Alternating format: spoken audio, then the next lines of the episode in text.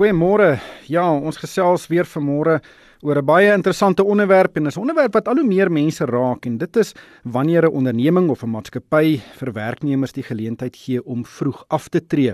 Nou in baie gevalle is daar ook 'n bykomende bedrag of 'n skikkingsbedrag betrokke wat eh, werknemers moet aanmoedig om dit te doen en die redes daarvoor kan wees dat die onderneming van sy duurste werknemers ontslaaw wil raak. Uh, die onderneming wil dalk sy werksmag verklein, daar kan dalk transformasie kwessies wees. En baie mense kyk na hierdie aanbiedings en vind dit baie aanloklik, maar daar's baie dinge wat hulle in ag moet neem voor hulle nou besluit om vroeg af te tree of nie. En ek gaan uh, vanmôre gesels met Ronald King, hy's hoof van openbare beleid en regulatoriese aangeleenthede by PSG en hooplik kan ons 'n paar riglyne neerlê oor wat om te oorweeg indien daar nou so 'n aanbod op jou lesenaar beland. Uh, ek wil ook van luisteraars hoor, uh, stuur vir my 'n SMS na 45889 toe. Dit kos R1.50 en sê vir my, het jy al so 'n aanbod ontvang? Het jy dit aanvaar of het jy dit nie aanvaar nie? En sê vir my hoekom jy dit aanvaar het of nie aanvaar het nie as dit die geval was. En dan vra sê vir ons, dink jy jou bedrag wat jy aangebied is, jou aansporingsbedrag of jou skikkingsbedrag was billik of nie? Ronald, hy sit hier langs my in die ateljee. Uh, baie welkom by die program. Kom ons skets vir ons die die prentjie. Presies hoe werk so 'n proses waar iemand die geleentheid kry uh, om vroeg af te tree. W hoe tipies werk dit? Ehm um, ryk ja, uh, gewoonlik sal 'n maatskappy ehm um, 'n 'n aanbieding moet maak aan 'n groep mense. So hy sal dit nie net aan een individu kan maak nie. Hy sal moet besluit dat almal in 'n spesifieke afdeling kry hierdie aanbod. En dan sal hy nou sê luister, maar almal bo die ouderdom van 55 normaalweg sal ons hierdie aanbod voormaak. En wanneer jy dan nou daai aanbod kry, gaan jy nou moet gaan mooi kyk na presies wat is hulle besig om vir jou aan te bied.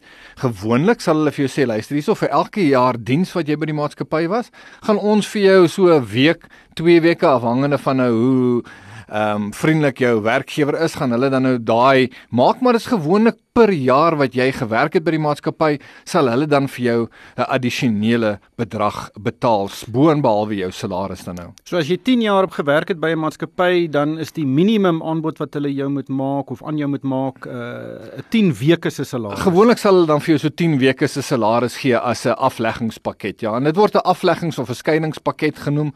En um, ons sal net nou miskien so 'n bietjie gesels oor die belasting implikasies op daai bedrag, maar dit is wat hulle gewoonlik dan vir jou aanbied. En dan sal hulle vir jou sê ehm um, partykeer ons sal nog vir jou 1 maand, 2 maande of of 3 maande se salaris ook saam met dit as 'n enkel bedrag ehm um, betaal. Maar die bepalinge daar rondom is eintlik nogal redelik oop vir onderhandelings tussen die werkgewer en die werknemer en en dit is belangrik om seker te maak dat ehm um, wanneer jy 'n groot groep is, jy reg verteenwoordig is met julle besprekings met daardie werkgewer van julle. Ja kyk, soos ek dit verstaan, dis 'n artikel 189 proses uh, waar uh, sien nou maar kom ons gebruik 'n voorbeeld 'n maatskappy wil uh, 10% van sy werksmag of sy werksmag met 10% verklein. Dan word daar nou briewe aan al die werknemers uh, gestuur. Hulle moet basies weer aansoek doen vir hulle werk en en sommige mense kan dan kies of hulle die 'n pakket wil vat uh, of nie. Ehm um, maar is daar 'n verskil tussen iemand wat sê jonger as 55 is wat so 'n brief kry en iemand wat ouer as 55 is? In die konteks moet jy aftree as jy oor 55 is. So ehm um, die antwoord daar is nee, jy hoef nie af te tree nie. Ehm um, daar is nie 'n verpligting om jou op af te tree nie. Die wetgewing het baie lekker aanpasbaar geraak die afgelope tyd. So jy is selfs in 'n posisie dat as jy na ouderdom 55 hierdie afleggingsaanbod van jou maatskappy af kry, kan jy vir hulle sê luister hier sommer, okay, hou my pensioenfonds by julle of dra my pensioenfonds oor iewers anders heen. Ek gaan nie nou aftree nie. Ek gaan nou net die afleggings pakket vat. Ehm um, van 'n belasting aspek af is daar glad nie 'n onderskeid tussen watter ouderdom jy werklik waar is, ehm um, wanneer jy daai afleggingspakket kry. Dit is net verpligtend dat dit moet vir almal beskikbaar gestel word en dit moet 'n algemene aflegging van mense wees. Jy moet kan bewys dat luister hierdie afdeling is toegemaak. Ehm um, baie keer uh, word daar ehm um, vir mense 'n aanbod gemaak en gesê luister hierso maar wil jy nie maar op vervroegde aftrede gaan nie. Ehm um, ons as maatskappy wil so 'n bietjie mense minder maak of ons wil 'n bietjie meer geleenthede skep vir ander om bevorder te word. So ons gaan vir jou hierdie pakketjie gee. Ons gee vir jou 'n paar rand ekstra as jy vrywilliglik aftree. En dan gee hulle vir jou 'n vrywillige afleggingspakket.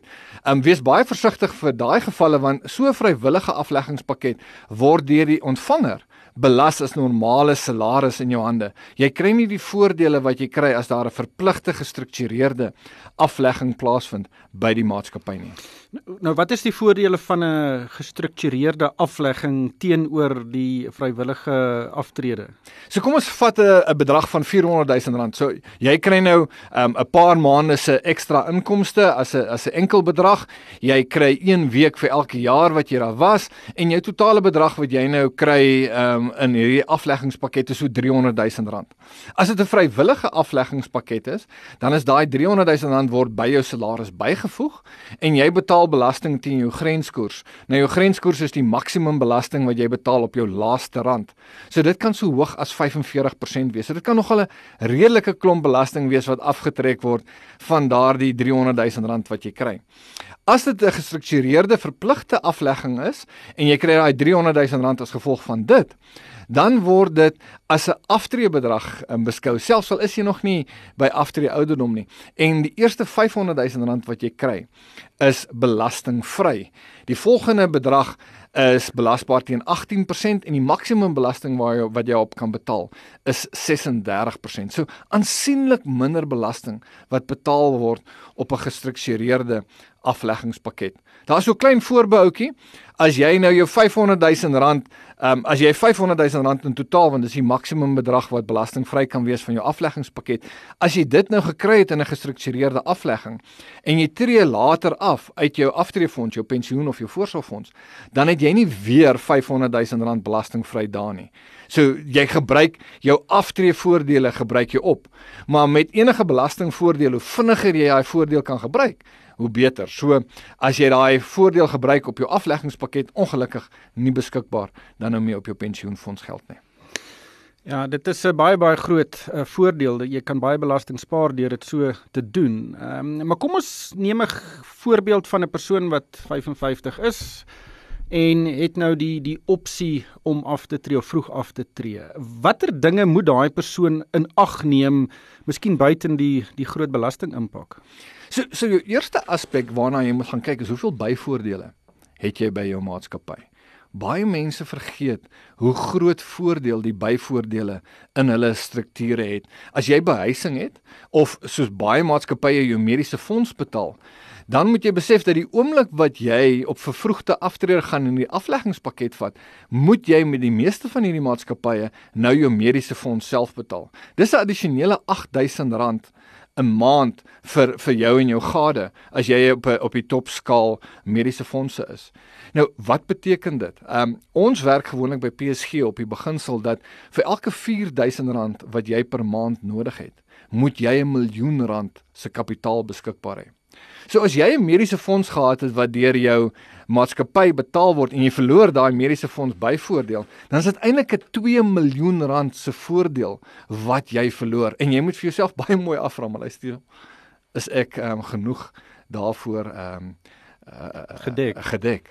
Ja, en dieselfde geld seker vir lewensversekering want baie ondernemings betaal ook lewensversekering as deel van hulle groepsvoordele aan werknemers. Korrek, ja, die meeste maatskappye se struktuur um, se strukture werk sodat wanneer jy op vervroegde aftrede of by aftrede gaan, het jy die opsie om daai lewensdekking oor te neem sonder bewys van gesondheid. En dit is nogal 'n redelike belangrike voordeel daai want 'n uh, 'n mens stel maar nogal allerlei moeilikhede op so met die tyd saam um, en en en en om bewysvry daai lewensdekking te kan oordra is wonderlik. Maar dit is weer eens, dis 'n premie wat jy het. Um sekere mense mag 'n maatskappy motor hê. Nou kry jy die opsie om hom teen 'n goeie prys te koop, maar jy moet nog steeds daardie geld beskikbaar hê, die brandstof, al daai goed. So vra jouself, die eerste vraag wat jy vir jouself vra is: Wat is die byvoordele wat ek gaan verloor en wat gaan dit my kos om daai byvoordele te vervang? Dis bitterselle dat jou afleggingspakket vir jou voldoende daarvoor gaan ehm um, voorsien. Dit is nommer 1 op die lys byvoordele, wat is nommer 2? Nommer 2 is hoeveel tyd het ek op hierdie stadium al reeds gespaar en hoeveel tyd moet ek daarna nog van die geld lewe? Nou interessantheidshalwe Ehm um, as jy gaan kyk na geld verdubbel in 'n belegging ongeveer elke 5 jaar. En as jy 5 jaar langer gaan lewe, het jy ongeveer dubbel die hoeveelheid geld nodig. So as jy van 60 jou aftrede vervroeg na 55 toe, dan is jou geld wat jy gespaar het nog net die helfte van wat dit sou gewees het op 60. Maar jy het ook dubbel soveel geld nodig omdat jy nou langer daarvan gaan lewe. So eintlik het jy net 'n kwart, jy jy weet 2 x 2, 4, net 'n kwart van jou van jou geld wat jy eintlik beskikbaar het wat jy nou gaan hê. So 'n 5 jaar vroeër aftrede kan 'n ongelooflike impak hê op of jy voldoende fondse het. En weer eens terug na daai gaan werk vir jouself uit, wat het ek nodig per maand? Ehm um, deel dit deur 4000 en dis hoeveel miljoen rand jy nodig het. As jy daai bedrag het op 55, ek het altyd gesê toe ek jonger was, ek kan nie glo mense wil op 55 al aftree nie. Ek meen die lewe lê nog voor hulle, hulle het nog vir 50 jaar oor. Nou dat 55 baie naby aan my deur is, kan ek nogal verstaan dat 'n mens net net baie keer sê maar ek is nou moeg, ek wil nou wil nou aftree, maar maak seker dat jy voldoende fondse beskikbaar het. Ja, maak seker jy kan dit bekostig om af te tree. Jy kan bekostig. Maar dit klink vir my sê nou maar baie hierdie persoon wat nou hierdie aanbod op sy tafel of haar tafel het, uh maar miskien nog wil werk iewers anders. Ehm um, is dit dan beter om nou maar die verpligte afleggingsopsie te kies eerder as die vroeë uh, aftrede opsie? Ek dink um, in in in sommige gevalle kan dit nogal voordelig wees. Um, sekere mense kan met daardie ekstra skop wat hulle kry van die aflegging kan hulle in 'n beter posisie wees. En dis hoekom jy maar met 'n goeie finansiële eh, beplanner sal gaan gesels oor oor daardie aspekte. Die die belangrikste ding en ek dink dit is iets wat wat die luisteraars um vandag in 'n mate uh, miskien ook moet besef is dat 'n groot deel van aftreebeplanning is nie net om te kyk na die geld nie ryk want as jy in 'n situasie is waar jy 'n ander inkomste plan vir jouself het na aftrede en jy kom op 57 en daai plan is alreeds mooi gebou en jy kan dit gaan doen dan maak dit baie makliker om daardie afleggingspakket te vat. Um ek is net so klein bietjie bekommerd want want want want baie mense kyk by hierdie aflegging kyk hulle vas in hierdie lieflike enkelbedrag wat hulle kry want hulle kry nou 'n afleggingsbedrag en dan kry hulle nog hulle 1/3 gewoonlik belastingvry of uh, uh daarom uh, uit hulle aftreefondse uit en hulle kyk na hierdie groot bedrag geld en hulle sê ek gaan nou 'n besigheid begin. Hulle het nooit beplan om hierdie besigheid te begin nie. Hulle het geen idee hoe daai besigheid te hardloop nie. Um ek onthou so tyd gelede het almal koffiewinkels begin. Dit het almal biltongwinkels begin. Jy weet daar kan net soveel koffieshops wees en net soveel biltongwinkels in 'n omgewing wees. En as jy nie reg beplan het vir daai besigheid nie, kan jy op die einde van die dag in 'n baie baie slegter posisie geplaas het. Ja, oppas ook vir daardie aftreë motor uh wat ook baie keer daardeur gefinansier word. Dit kan 'n baie baie duur motor wees. Ehm um, is 'n vraag per SMS, is daar 'n verskil in hoe ehm um, vrywillige aftrede werk in die staatsdiens teenoor in die privaat sektor? Ehm um, ja en nee. so ehm um, die belasting implikasies en goed werk dieselfde. Maar uh by die staatsdiens het jy 'n vaste voordeel aftreefonds. En met 'n vaste voordeel aftreefonds is daar 'n formule wat vir jou sê presies hoeveel jy gaan kry met aftrede. En gewoonlik um, is daar 'n penalisasie klousule binne in in daardie ehm um, skemas wat sê dat as jy voor ouderdom 60 aftree uit die fonds uit, dan betaal ons vir jou ehm um, 'n sekere persentasie minder as wat jy andersins sou gekry het. En die rede daarvoor is redelik voor die hand liggend. Hoe, hoe jonger jy aftree, hoe langer gaan jy leef en hoe meer gaan jy ehm um, trek uit die fonds uit. So die fonds moet voorsiening maak daarvoor maar daai penalisasies kan jou nogal redelik seker maak. So dis nie net by die staatsdiens nie, is by enigiemand wat 'n vaste voordeelfonds het, maar omdat meeste van die staatsdiensfondse nog vaste voordeelfondse is, is dit iets wat staatsamptenare baie baie mooi in ag moet neem. Wat is die impak van die vervroegde aftrede op my ehm um, formule by my by my pensioen of voorsorgfonds? Hier's nog 'n vraag. Ehm um, my man was my man was gedwing om binne 6 weke op verpligte pensioen te gaan toe hy 60 geword het. Uh, daar was niks met hom bespreek nie. Uh, geen pakket, niks is aangebied nie. Ja, dit is nogal 'n interessante ene daardie. Ehm um, as jou dienskontrak sê dat ehm um, jou aftrede is op ouderdom 60, dan kan hulle baie baie maklik net vir jou sê, luister, baie baie dankie. Ehm um, jy het die 18de April gister het jy nou 60 geraak.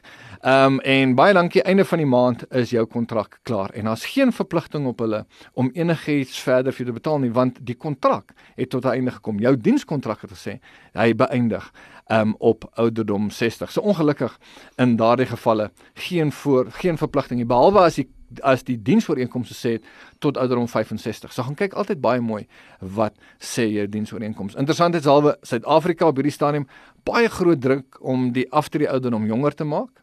Um, en en dit is omdat ons so groot werkloosheidsyfer het.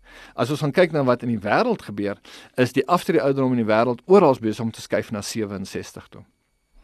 Ja, ek vind nou net juist vra daar, maar dit is nie uh weet absoluut geskryf in die wet nie. Dit is dit sal van maatskappy tot maatskappy afhang. Dit gaan van jou eie dienskontrak afhang, korrek. En dit moet daar staan. Dit moet daar staan wanneer jou kontrak beëindig wat jou aftrede ouderdom is. Gewoon dit kan partykeer nie in die kontrak self staan nie, maar dan sal daar 'n uh, 'n uh, 'n uh, 'n uh, um HR um beleid wees uh, wat vir jou presies sê wat is die aftrede ouderdom um vir die maatskappy of vir jou afdeling. Dan ek neem aan nog 'n ding wat jy moet oorweeg is as jy nou op 55 of uh, kort na 55 wil aftree is uh, jy jy gaan seker dan meer moet kyk na 'n lewende anniteit. Uh, dis 'n anniteit wat gekoppel is aan aandele en dit wil sê dit kan op die langer termyn heelwat beter vaar as 'n lyfrente of 'n gewaarborgde pakket. Is dit tipies iets wat dit wat so besluit ook kan moet in ag neem? Ryk interessant is halwe ehm um, hoe vroeër jy aftree, hoe groter is die kans dat jy jou geld gaan uitleef.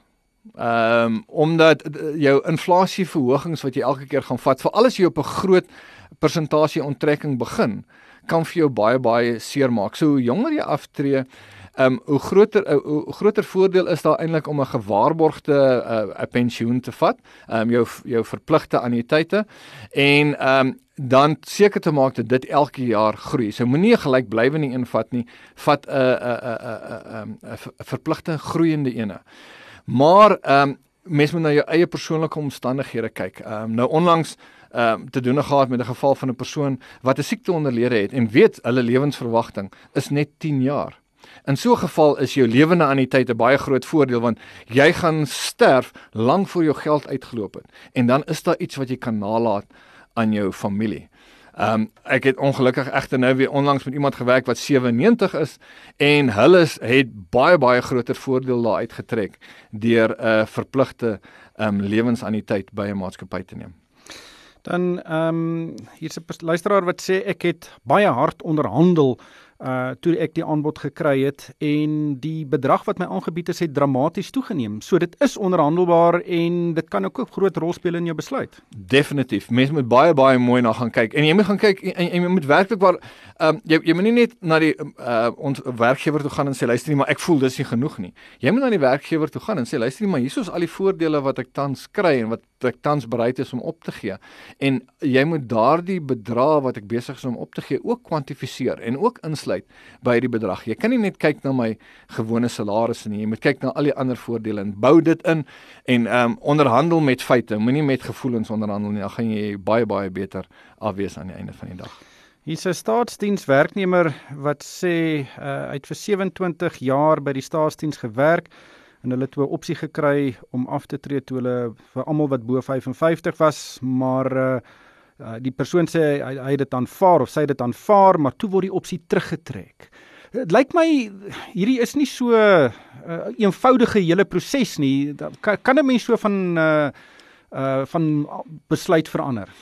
Um, ek dink uh dat wanneer die um opsie gemaak is en hy's aanvaar dan word dit onherroepelik. Maar wanneer dit nog tipe van in die lug is en daar is nog nie 'n finale posisie gemaak nie, um, kan dit teruggetrek word en wat baie keer gebeur is dat die werkgewer besef skielik maar o, jene, ek het gedog 10% van my um, personeel gaan hierdie opsie aanvaar en skielik het 60% van my personeel aanvaar. En die mense wat aanvaar dit is eintlik die mense wat ek nie wou gehad het moes weggaan. Jy weet, so, baie kere die werkgewer 'n idee, maar ek wil vir Piet, Jan en Klaas um hierdie ding laat laat laat neem en en en die res moet bly. Maar dan is Piet, Jan en Klaas die enigste drie wat nie die opsie vat nie en die res vat dit. En in sulke gevalle kom die werkgewer baie gou agter dat hierdie plan van hom om sy werknemerskorps te verander, het toe nie so mooi um gewerk nie en dan um is hulle in 'n posisie om dit terug te trek as die hele proses nog nie afgehandel is nie. Nou, ons het nou gesels, uh, daar's 'n groot belasting implikasie wat mense in ag moet neem. Mense moet in ag neem watter byvoordele het jy gekry uh, en jy moet ook bepaal kan jy dit bekostig om af te tree as mens nou hierdie tipe van aanbiedings oorweeg. In jou ervaring skenk mense genoegsame aandag aan daardie kwessies? Nee, glad nie. Um, ek dink dat ons het en en dis hoekom ek 'n hele paar keer ook daai daai die hele 4000 rand 1 miljoen rand herhaal want ons kyk in die bedrag vas en hierdie bedrag gaan die grootste bedrag wees wat jy in jou lewe gaan sien. Um, en wat jy gaan voel jy ontvang en dit gaan in jou bankrekening inbetaal word. En um, al ons voorbehoude wat ons het wanneer ons kom met finansies speel dan 'n rol. Jesus, maar ek het 'n miljoen rand in my bankrekening sonder dat ek gaan uitwerk dat al wat ek eintlik gekry het is 4000 rand 'n maand. So nee. Ehm um, die ander probleem wat ons baie keer sien ehm um, met veral vervroegde aftrede is dat op daai stadium het die persoon self nog baie skuld of sy kinders is nog heelwat jonger en hulle is in 'n fase van hulle lewe waar hulle finansiëel onder druk is. En wat ouers baie keer doen op ouderdom 55 is hulle gebruik hulle afleggingspakket om hulle kinders se probleme uit te sorteer. En hulle skep vir hulle self heelwat probleme voorkant toe in die proses. Luisteraar skryf ek het op 60 afgetree met 'n uh, 23 jaar se pensioen, my derde op my huis afbetaal, my Audi A4 met 'n Honda vervang opleiding begin doen en op 73 hierdie persoon geen skuld nie, gaan jaarliks oor see en wildtuin toe. Dit is goeie beplanning. Ek dink dink nie daar's baie mense wat dit kan doen nie. Dan sê nog 'n uh, eh, nog 'n persoon, ek wil net seker maak as ek geen verhoging die afgelope 3 jaar ontvang het nie, uh sal dit my aftrede die bedrag wat ek kan kry beïnvloed. Ehm um, die ehm um, eerste die laaste vraag miskien gou-gou eerste antwoord. En en die antwoord daar is dit hang af van of jy 'n vaste voordeel of 'n vaste bydrae fonds het. As jy 'n vaste voordeel fonds het, dan word jy is vaste inkomste betaal gebaseer op jou laaste jaar se salaris. So as jou salaris vir 'n hele paar jaar nie verhoog het nie, penaliseer dit jou nogal ehm um, geweldig. Maar as jy op 'n vaste bydrae fonds is wat die algemene een is waar jy dra 15% by, jou werkgewer eh, dra 'n sekere bedrag by en dit word in 'n fonds belê en jy kyk na wat jou waarde is, dan maak dit um, is dit belangrik om te bepaal hoeveel jy bygedra het en is die werklike salarisbedrag self um nie so belangrik nie. Van daai eerste luisteraar um wat jy gepraat het, Ryk, ek dink die belangrike ding wat ons daar mee te doen het is dis 'n persoon wat beplan het vir addisionele inkomste tot en met ouderdom 73. En dit is krities krities belangrik. Um onthou in 'n situasie en jy het genoem aan die begin waar transformasie en en en en en en dis meer 'n baie groot rol speel, gaan die konsultasiekontrakte wat jy by jou werk gekry het en wat wat baie mense in die verlede baie maklik gekry het, nie meer so maklik wees nie. Want daai konsultasie kontrakte um, benadeel die maatskappy met sy um, transformasie status. So baie minder van hulle gaan beskikbaar raak. So moenie wanneer jy beplan vir 'n inkomste tot op ouderdom 73 beplan vir 'n inkomste wat gebaseer was aan jou huidige werkgewer. Jy kyk vir ander maniere. Ek self um, hoop om eendag 'n 'n spreker te wees oor finansiële beplanning soos vandag nou. Um, en en dit is wat ek besig is om te bou vir wat ek na aftrede gaan wil doen. En ek dink dit kan ek doen sonder my werk nog by PSG, maar dit is die belangrike goed wat 'n mens in ag moet neem wanneer jy begin kyk na hierdie beplanning. Ja, mens moet uh, kyk of jy jou inkomste kan aanvul. Korrek. Uh, net laastens, ek wil net weer luisteraar wat vra hoe kan, hoeveel geld het ek nodig om R10000 uh, per maand te kry? Jy het vroeër gesê dis R4000 se inkomste per maand vir elke miljoen rand wat jy het. So dan is dit uh, 2.5 miljoen. 2.5 miljoen rand. Dit is korrek, ja. Ja, baie mense sal dink, "Jene, 2.5 miljoen rand klink nou 'n reuse bedrag. Hoe, hoekom kan ek net R10000 'n maand kry?" Ja, want die, die jy, jy moet onthou dat ehm um, wanneer jy aftree, weet ons nie presies hoe lank jy het um, om om om te lewe nie. So jy kan net op die rente op daai geld lewe en dit is basies hoekom ons by daai 5% inkom. Die eerste 5% moet jy spaar en die volgende 5% kan jy van lewe. Ronald baie baie dankie vir jou tyd uh, vanmôre. Dit was Ronald King, hy's hoof van openbare beleid en regulatoriese sake by PSG. Luisteraars is welkom om vir my 'n e e-pos te stuur. My adres is ryk@moneyweb.co.za. En daarmee moet ons groet. Dankie vir die saamluister.